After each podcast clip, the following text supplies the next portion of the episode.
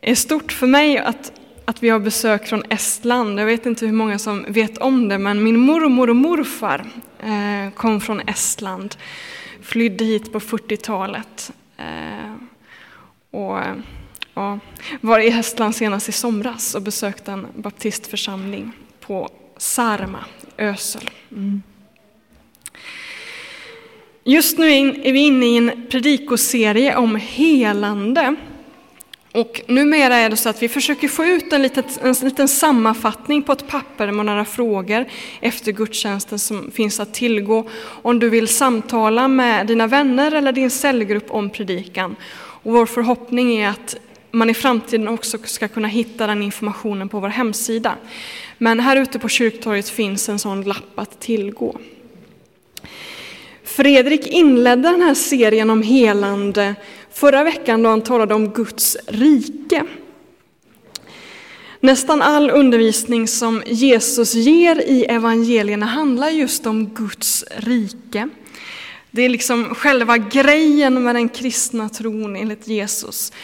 Guds rike är när liksom paradiset landar på jorden, när allting blir upprättat, allting blir helat, allting blir läkt. Men det som var huvudpoängen i Fredriks predikan förra veckan var att Guds rike är redan nu, men ändå inte. Guds rike är redan nu, men ändå inte. Guds rike är här samtidigt som vi ber och väntar på att Guds rike ska komma. Och Fredrik talar om två diken man kan hamna i. Det ena är när man säger att men, när man ber för någon som är sjuk så blir de alltid friska. Alltså Guds rike bryter alltid in. Och det andra diket är att säga att nej, men det, när man ber för sjuka det är aldrig någon som blir frisk. Alltså när man säger att Guds rike är här totalt eller Guds rike är här inte alls. Och Fredrik ska tala mer om det nästa söndag. Det jag ska tala om idag är helande av självbild. Helande av självbild, själsligt helande. Och det är också redan nu men ännu inte. Själsligt helande är redan nu men ännu inte. Och vi ska läsa om en berättelse när Jesus botar en kvinna och vi finner den i Markus 5. En oerhört vacker berättelse från Markus evangeliet, ett av de fyra evangelierna i Nya testamentet. Och jag läser från det femte kapitlet, vers 21 och framåt. När Jesus hade farit tillbaka till andra sidan sjön samlades mycket folk omkring honom. Men han var där vid sjön kom det dit en synagogsföreståndare vid namn Jairos. Då han såg Jesus kastade han sig för hans fötter och bad enträget Min lilla dotter är nära att dö. Kom och lägg dina händer på henne så att hon räddas till livet. Och Jesus gick med honom.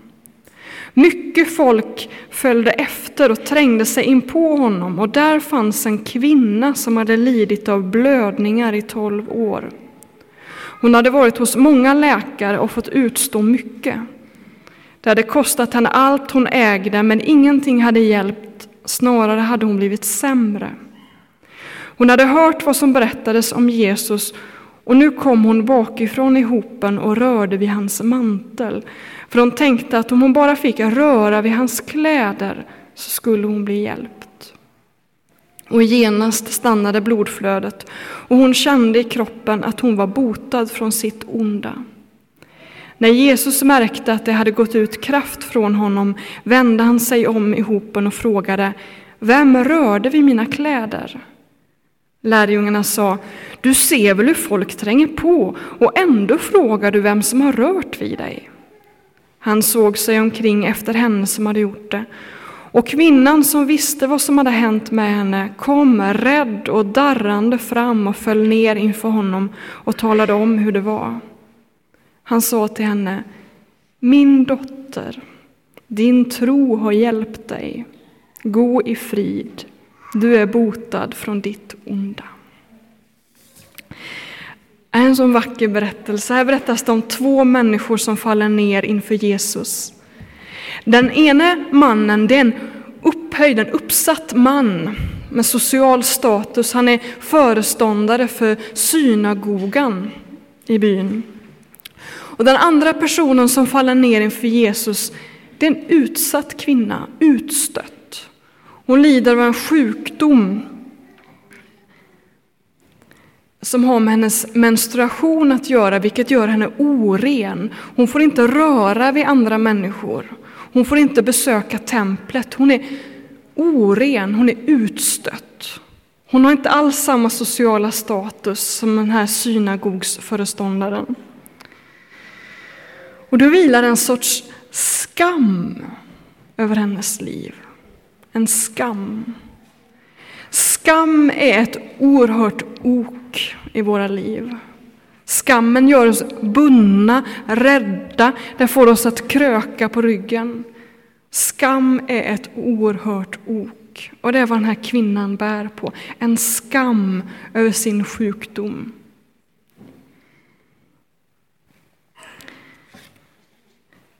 Man kan känna skam när man har syndat och det är sunt. Det är sunt att känna skam och skuld när man har gjort fel, även om Gud kan hela från just den sortens skam. Men skam kan också ha med andra saker att göra. Ofta kan skam ha att göra med att man har blivit utsatt för andra människors synd eller för onda strukturer. Man kan känna skam över att man har blivit sexuellt utnyttjad till exempel. Då är det inte jag som har gjort fel, utan det är någon annan som har gjort fel. Men man känner ändå en sån skam. Man kan känna skam över att man inte är som alla andra. Man kan känna skam över att man blir mobbad. Och den här kvinnan känner skam eftersom hon lever i ett samhälle där det inte är socialt accepterat att ha en sån sjukdom som hon har. Hon är ett offer för onda sociala strukturer, vilket får henne att känna skam. Och skam har med självbild att göra. När man känner skuld, då känner man skuld och skam över det man har gjort. Men när man känner skam, så kan man känna skam över den man är som person. Jag är mobbad, jag är utstött. Jag är förlöjligad. Jag är den man viskar om, jag är den man talar snett om. Jag är den som inte duger, det är fel på mig. Det är bättre om jag inte finns. Skammen har den effekten på oss. Det har med vår existens och vår självbild att göra. Och den här kvinnan känner skam över sin sjukdom. Och skam kan ha den effekten på oss att vi inte vågar söka hjälp. Vi försöker dölja vår skam.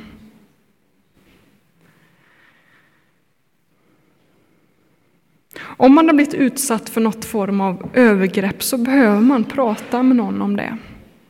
Man behöver få hjälp att bearbeta det. Och ändå kan skammen ha den effekten på oss att vi inte vågar. Vi vågar inte.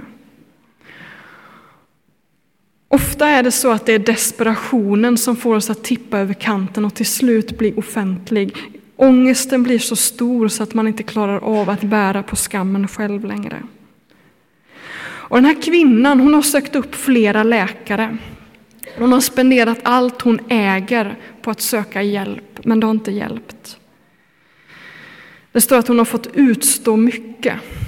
På den tiden var sjukvården en annan än vad den är idag. Vi kan bara ana vad det är hon har fått utstå, vilken smärta hon har fått vara med om. Men nu trotsar hon skammen och hon söker hjälp hos en religiös man, alltså Jesus. Trots att hon vet att religionen anser att hon är oren. Trots att Trots att den judiska tron säger att om, om du rör vid Jesus, då kommer du göra honom oren. Hon trotsar detta och hon söker ändå hjälp. Hon är desperat och tar chansen och hon rör vid Jesus. Eller rättare sagt, hon rör bara vid hans kläder. Hon vågar inte liksom Jairus möta Jesu ansikte. Hon vågar inte röra vid hans kropp, men hon rör vid, vid kläderna vid kanten på manteln står det i en annan, eh, ett annat evangelium. Hon gör det i smyg, inte med buller och bång som, som, som för Jairus, utan hon gör det i smyg. Hon rör vid hans kläder. Och Jesus stannar upp. Trots att det är bråttom, trots att Jairos dotter ligger för döden, det är bråttom, det är en högt uppsatt man som har bett om Jesu tid. Trots att det är bråttom så stannar Jesus upp och frågar Vem rörde vid mina kläder? Och lärjungarna gör sig lustiga och säger, men hallå, folk rör ju vid dig hela tiden, det är ju värsta trängseln här. Men Jesus säger, någon rörde vid mina kläder. Och det han menar är att någon har rört vid, vid mig i tro. Jesus är ingen amulett amulett, ingen magisk amulett som man liksom när man råkar nudda honom så, så, så får man del av kraften, utan kvinnan blir helad för att hon rör vid honom i tro. Hon rör vid honom som en slags böneakt. Och så säger Jesus, vem rörde vid mig? Och kvinnan blir livrädd. Hon blir rädd och hon börjar darra. Låt oss ta en liten paus från den här berättelsen och säga någonting kring det här med självbild och gudsbild. Själsligt helande har med helande av självbild och gudsbild att göra. Och självbild och gudsbild sitter ihop. Det finns ett samband mellan vilken självbild man har och vilken gudsbild man har. Och det där kan man ibland behöva nysta tillsammans med, tillsammans med en själavårdare. Låt oss titta på några exempel. Gud är den som älskar, jag är den älskade. Alltså har man bilden av att Gud är den som älskar så får man också den självbilden att jag är den som är älskad. Eller Gud är den som förlåter, jag är den som syndar. Gud är den som visar omsorg, jag är den som är föremål för omsorg. Om man inte känner sig älskad så har man också svårt att tro att Gud är den som älskar. Om man har svårt att se sig själv som ett moraliskt subjekt som faktiskt gör fel ibland, så har man svårt att tro att Gud förlåter. Men också tvärtom. Om man inte tror att Gud älskar, så har man också svårt att se sig själv som den älskade. Om man har svårt att tro på att Gud förlåter, så vågar man heller aldrig betrakta sig själv som syndare. Det där sitter ihop. Men genom Jesus Kristus kan både självbild och gudsbild bli helt. Och det kan ta tid, det kan ta lång tid. Precis som, som Fredrik var inne på i förra predikan, att Guds rike är redan nu men ännu inte. Så är också det själsliga helandet nu men ännu inte. Det är först när vi får se Jesus ansikte mot ansikte i himlen när Guds rike har kommit till sin fullhet, som vi verkligen förstår vem Gud är, då blir vår gudsbild till fullo hel, hel. Och då förstår vi också vilka vi själva är. Det är först när Guds rike har kommit till sin fullhet som vi förstår vilka vi i sanning är. Det tar tid. Men det behöver, betyder inte att man inte ska börja nysta i det redan här och nu, för här och nu kan det hända mycket. Det är värt att sträva efter den läkedom som faktiskt finns att få redan nu i tiden. Hur kan den här läkedomsprocessen ta fart då? Om det nu är så att skammen förlamar oss så mycket så att vi inte vågar söka hjälp. Hur ska man göra då? Kvinnan rörde med ett finger vid Jesu kläder. Hon vågade inte mer.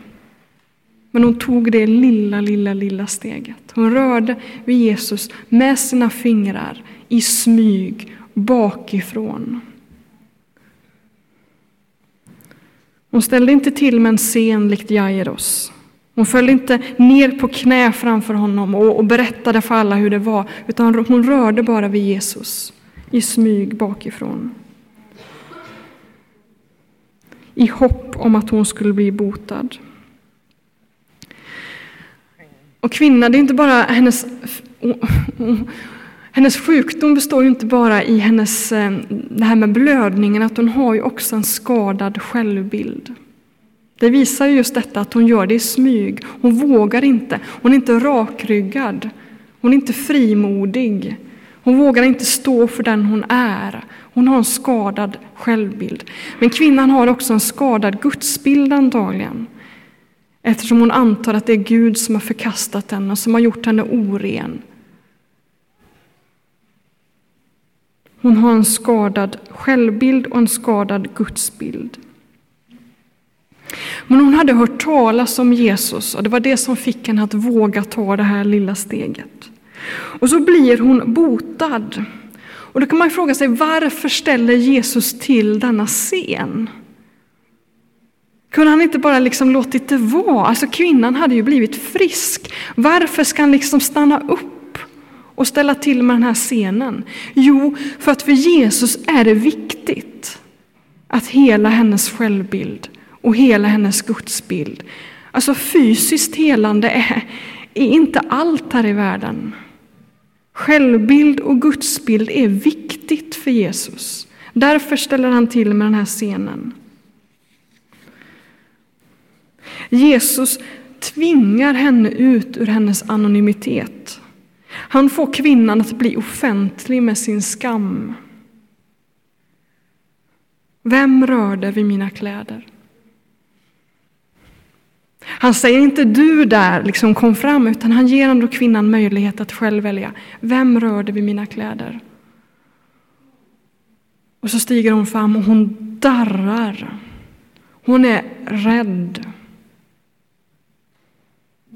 Hon är rädd för att Gud nu ska straffa henne för att hon har gjort en rabbin oren genom att röra vid honom. Och som pastor kan man ju nästan känna att amen, Jesus, det är ju ohumant att göra så här. Det är ju taskigt. Det är elakt. Men Jesus gör det i alla fall. Han låter kvinnan berätta om sin sjukdom inför hela folkmassan. Men så avslutar han scenen med att säga Min dotter, din tro har hjälpt dig. Min dotter, din tro har hjälpt dig. Gå i frid, du är botad från ditt onda. Inför allt folket Inför synagogsföreståndaren så kallar han den här kvinnan för min dotter.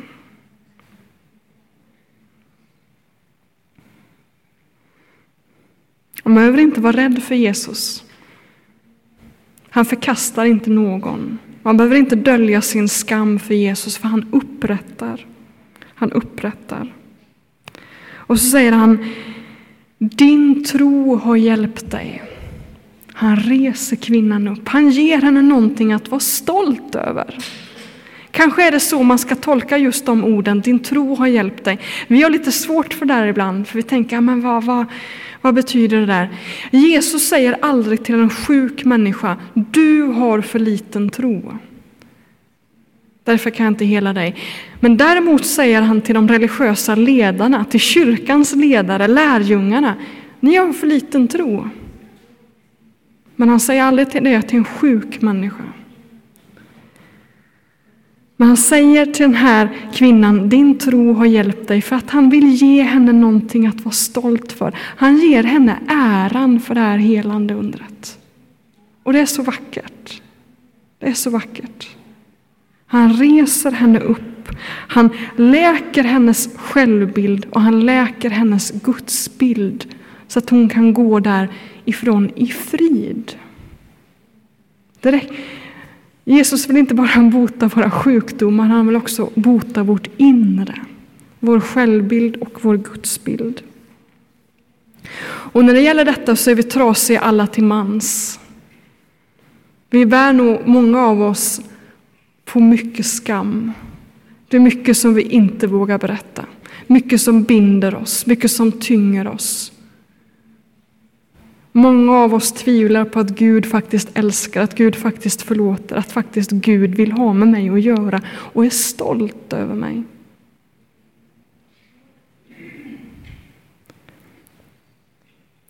Våga trotsa rädslan och skammen. Det gör ont att bli hel. Det gjorde det för den här kvinnan. Hon darrade av skräck. Men det var så Jesus valde att hela henne. Det var så Jesus valde att hela henne. Man måste möta den smärtan, man måste möta sin egen skam.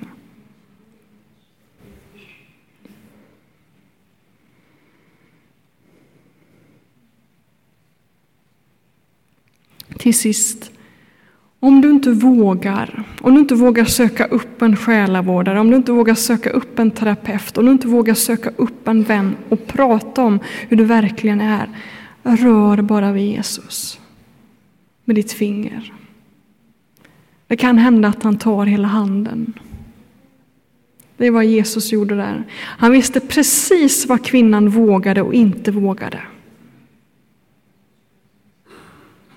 Han visste att kvinnan faktiskt var, hade det modet att om han frågar henne, vem rörde vid mina kläder? Så träder hon fram. Alltså han vet precis hur mycket tvång han ska använda. För att den här kvinnan ska våga gå igenom den här läkedomsprocessen. Och det är så vackert, det är så vist. Det gör ont att bli hel, men det är värt det. Det är värt det. Låt oss be tillsammans.